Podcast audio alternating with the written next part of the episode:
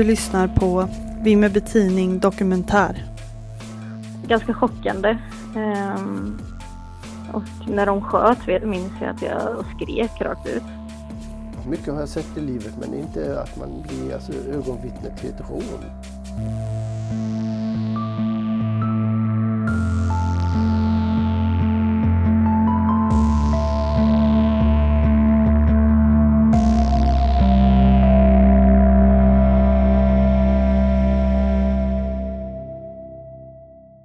Bankrånet i Vimmerby, del 1 Torsdag 23 juni 2011. Det är dagen innan midsommarafton. Vimmerbys gator har fortfarande spår efter ett sommarregn och solens strålar hindras av ett grått molntäcke. Vimmerbys invånare är på väg till jobb och andra vardagsbestyr, precis som vilken vanlig torsdagsmorgon som helst. Emma Strid, då 21 år gammal, cyklar på kullerstenen längs Storgatan på väg till jobbet. Hon passerar torget och lägger sedan märke till något som bryter av mot den vanligtvis idylliska småstadsbilden. När jag var vid Handelsbanken så hörde jag en duns där inifrån och eh, mm. en kvinna som, eh, det lät som en kvinna som ropade till eller vad ska jag säga. Stannar cykeln och tittar in och då ser jag ju en person i rånarduva inne på banken. Mm. Blir väl lite chockad och fortsätter cykla framåt. Eh, men då står det ju lite längre fram så står det en man mitt på gatan där med ett stort gevär i, i handen. Så jag stannar cykeln igen och eh, ja, funderar lite på vart jag ska ta vägen, om jag ska backa eller fortsätta framåt förbi honom.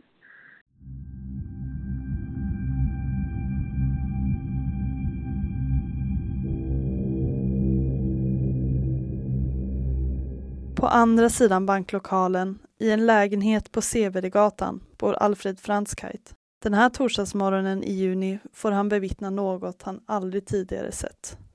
På någon anledning blir jag väckt, eller jag skulle gå upp den där morgonen och eh, om det var någon, någon ljud eller vad det var, jag kommer inte ihåg, men jag gick i alla fall till fönstret eller om jag tog upp och, och, la, och la och då, då var det någonting att jag såg två maskerade män som sprang här och sen sprang de in där och tänkte att det händer inte i Vimmerby. Alltså man vill, man vill få logik, va? det är att se. Så jag var övertygad Ja, herregud, det är en filminspelning, vad kul! Det är här någon, eh, ja, bäck eller vad vet jag, i Vimmerby.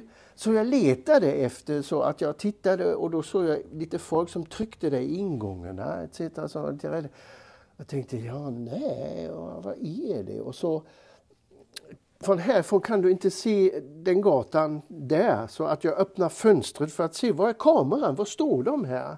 Ja? Och så tittar jag dit till, till eh, vänster, där eh, infarten är. Och det står i fel fartriktning en blå Volvo 240 med en kille också i montering och en AK4 som man håller upp i luften. Och då tänkte jag, nej det här var ingen filminspelning det här, det här är äkta vara, här, här händer någonting.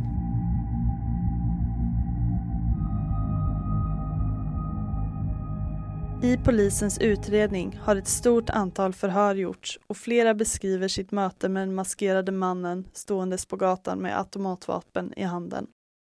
En kvinna beskriver i förhör att hon var på väg till jobbet och gick på Drottninggatan. När hon var i jämnhöjd med museet Näktergalen och Pizzeria Palma vände hon sig om för att se att det inte kom någon bil innan hon korsade gatan. Då kom en bil körandes i hög hastighet från Drottninggatan. Den bromsade och körde upp på trottoaren vid baksidan av banken. Kvinnan såg tre personer kliva ut ur bilen. De höjde sina vapen när de fick syn på henne. Två av personerna sprang in på innergården som ligger på baksidan av banken och där sparkade de sönder en ruta. Enligt kvinnan så såg det ut som att de visste exakt vilken ruta de skulle sparka sönder. Hon berättar vidare att hon hade svårt att förstå att det var på allvar och trodde först att det rörde sig om människor som klätt ut sig. Kvar utanför banken stod den maskerade mannen med vapnet i handen, som Emma Strid också mötte när hon kom cyklande. Det kändes som att vi stod och kollade på varandra ett tag. Men sen så tänkte jag, nej jag fortsätter framåt, det blir smidigare. Så jag eh, cyklade förbi eh, deras bil som stod där parkerad utanför och eh, svängde ner runt hör, närmsta hörn.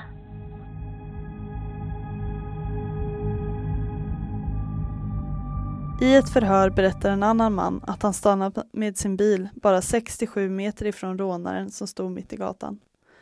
Rånaren riktade vapnet emot mannen och viftade sedan med vapnet åt höger för att få mannen att förstå att han skulle köra åt det hållet. Mannen säger i förhöret att han är säker på att det var en AK4 som rånaren höll i handen. Tillbaka till Emma som just cyklat förbi rånarnas bil. Där stod det i en port upp till någon lägenhet så stod det en kvinna som ringde polisen på gatan lite och så kom eh, en pizzabagare kom ut och sa att jag skulle ringa tidningen. Eh, jag fick en Vimmerby-tidning i handen och där stod ett nummer så jag ringde dit. Jag, det var väl, jag var väl lite i chock men eh, det var, var det en person som svarade och jag sa eh, har ni skickat någon till Handelsbanken? Eh, då sa han, nej vadå? Eh, det pågår ett bankrån. Och så la han snabbt på. Det är reporten Janne Strömsten som svarar i telefonen på redaktionen den här morgonen. Reporter Jimmy Karlsson, som också var i tjänst då, berättar vad han minns från händelsen. Jag kommer ihåg att vi hade nog precis avslutat morgonmötet på redaktionen när jag hör Janne Strömsten skrika Jimmy, det är rån på Handelsbanken! Jag slet ju åt med kameran och, och sprang och Janne tog bilen för att kunna vara, vara mobil.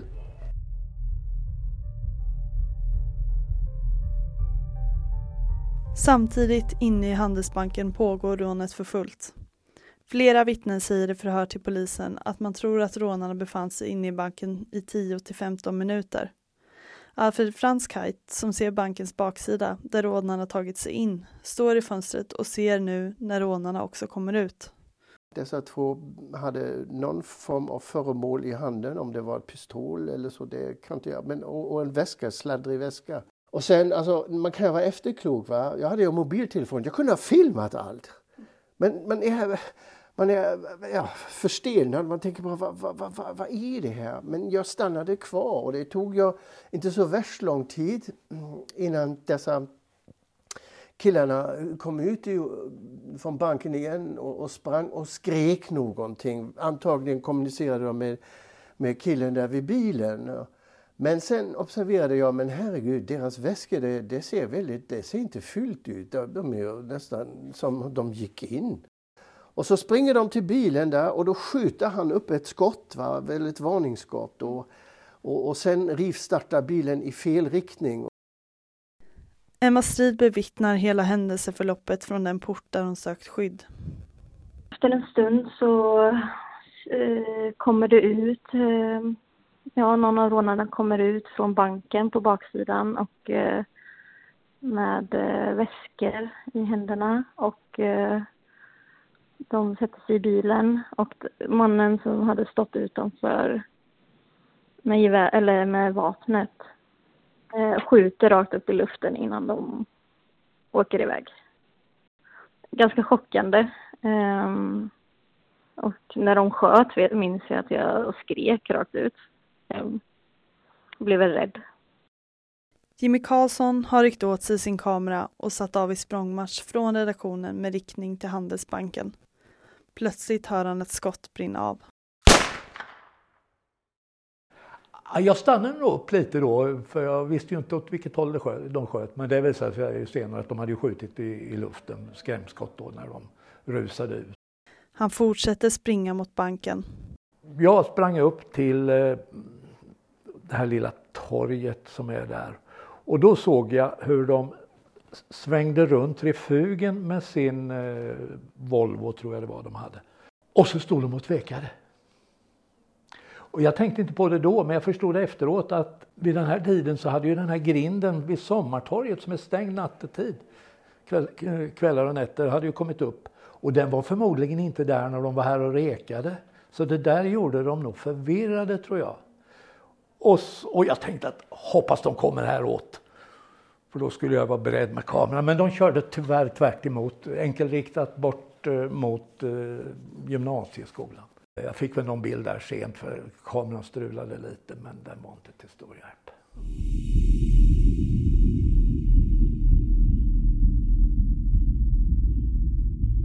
Rånet är över och de tre rånarna har försvunnit i en bil från platsen.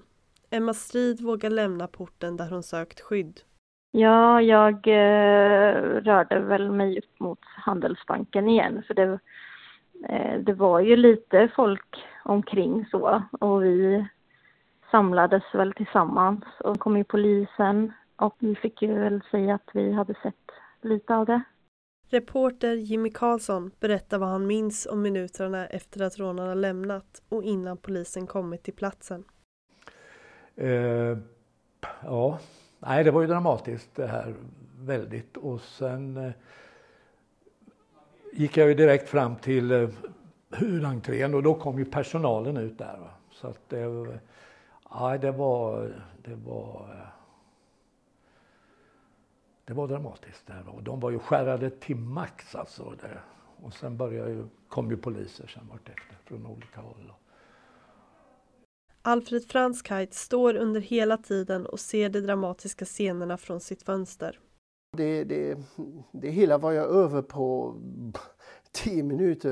Jag, det är svårt med tidsbegreppen men jag var rätt så omskakad så att jag eh, jag väntade jag nu alltså att nu, nu, nu måste polisen komma. Va? Nu, nu, de, de måste ha larmat.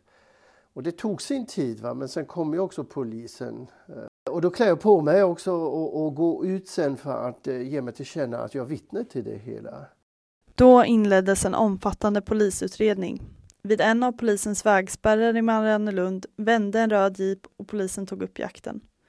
I närheten av Kåremåla hittas bilen övergiven. Bilen hade kvällen innan rånet stulits i Mariannelund. En pulversläckare hade tömts i bilen, troligtvis för att förstöra tekniska bevis efter rånarna. Till en början trodde polisen att rånarna hade övergivit bilen och försvunnit till fots, men man hittade senare bilspår, vilket tyder på att rånarna hade ytterligare en flyktbil.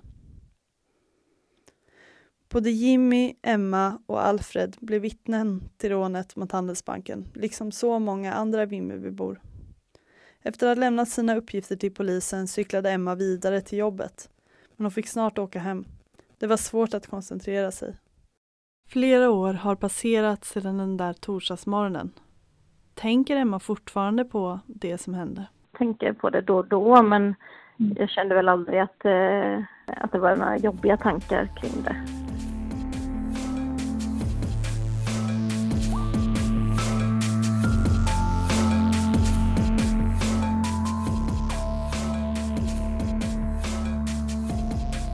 Du har lyssnat på Vimmerby Tidning Dokumentär Bankrånet i Vimmerby. I nästa del får du veta mer om rånet inifrån banklokalen.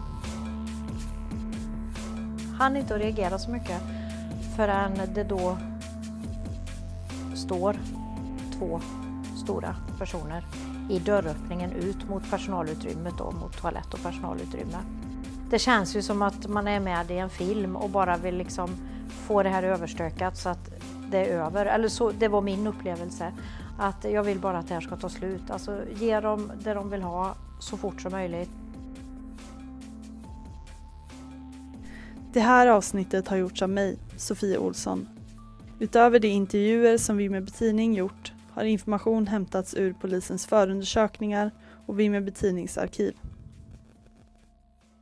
Ansvarig utgivare är Daniel Söderqvist.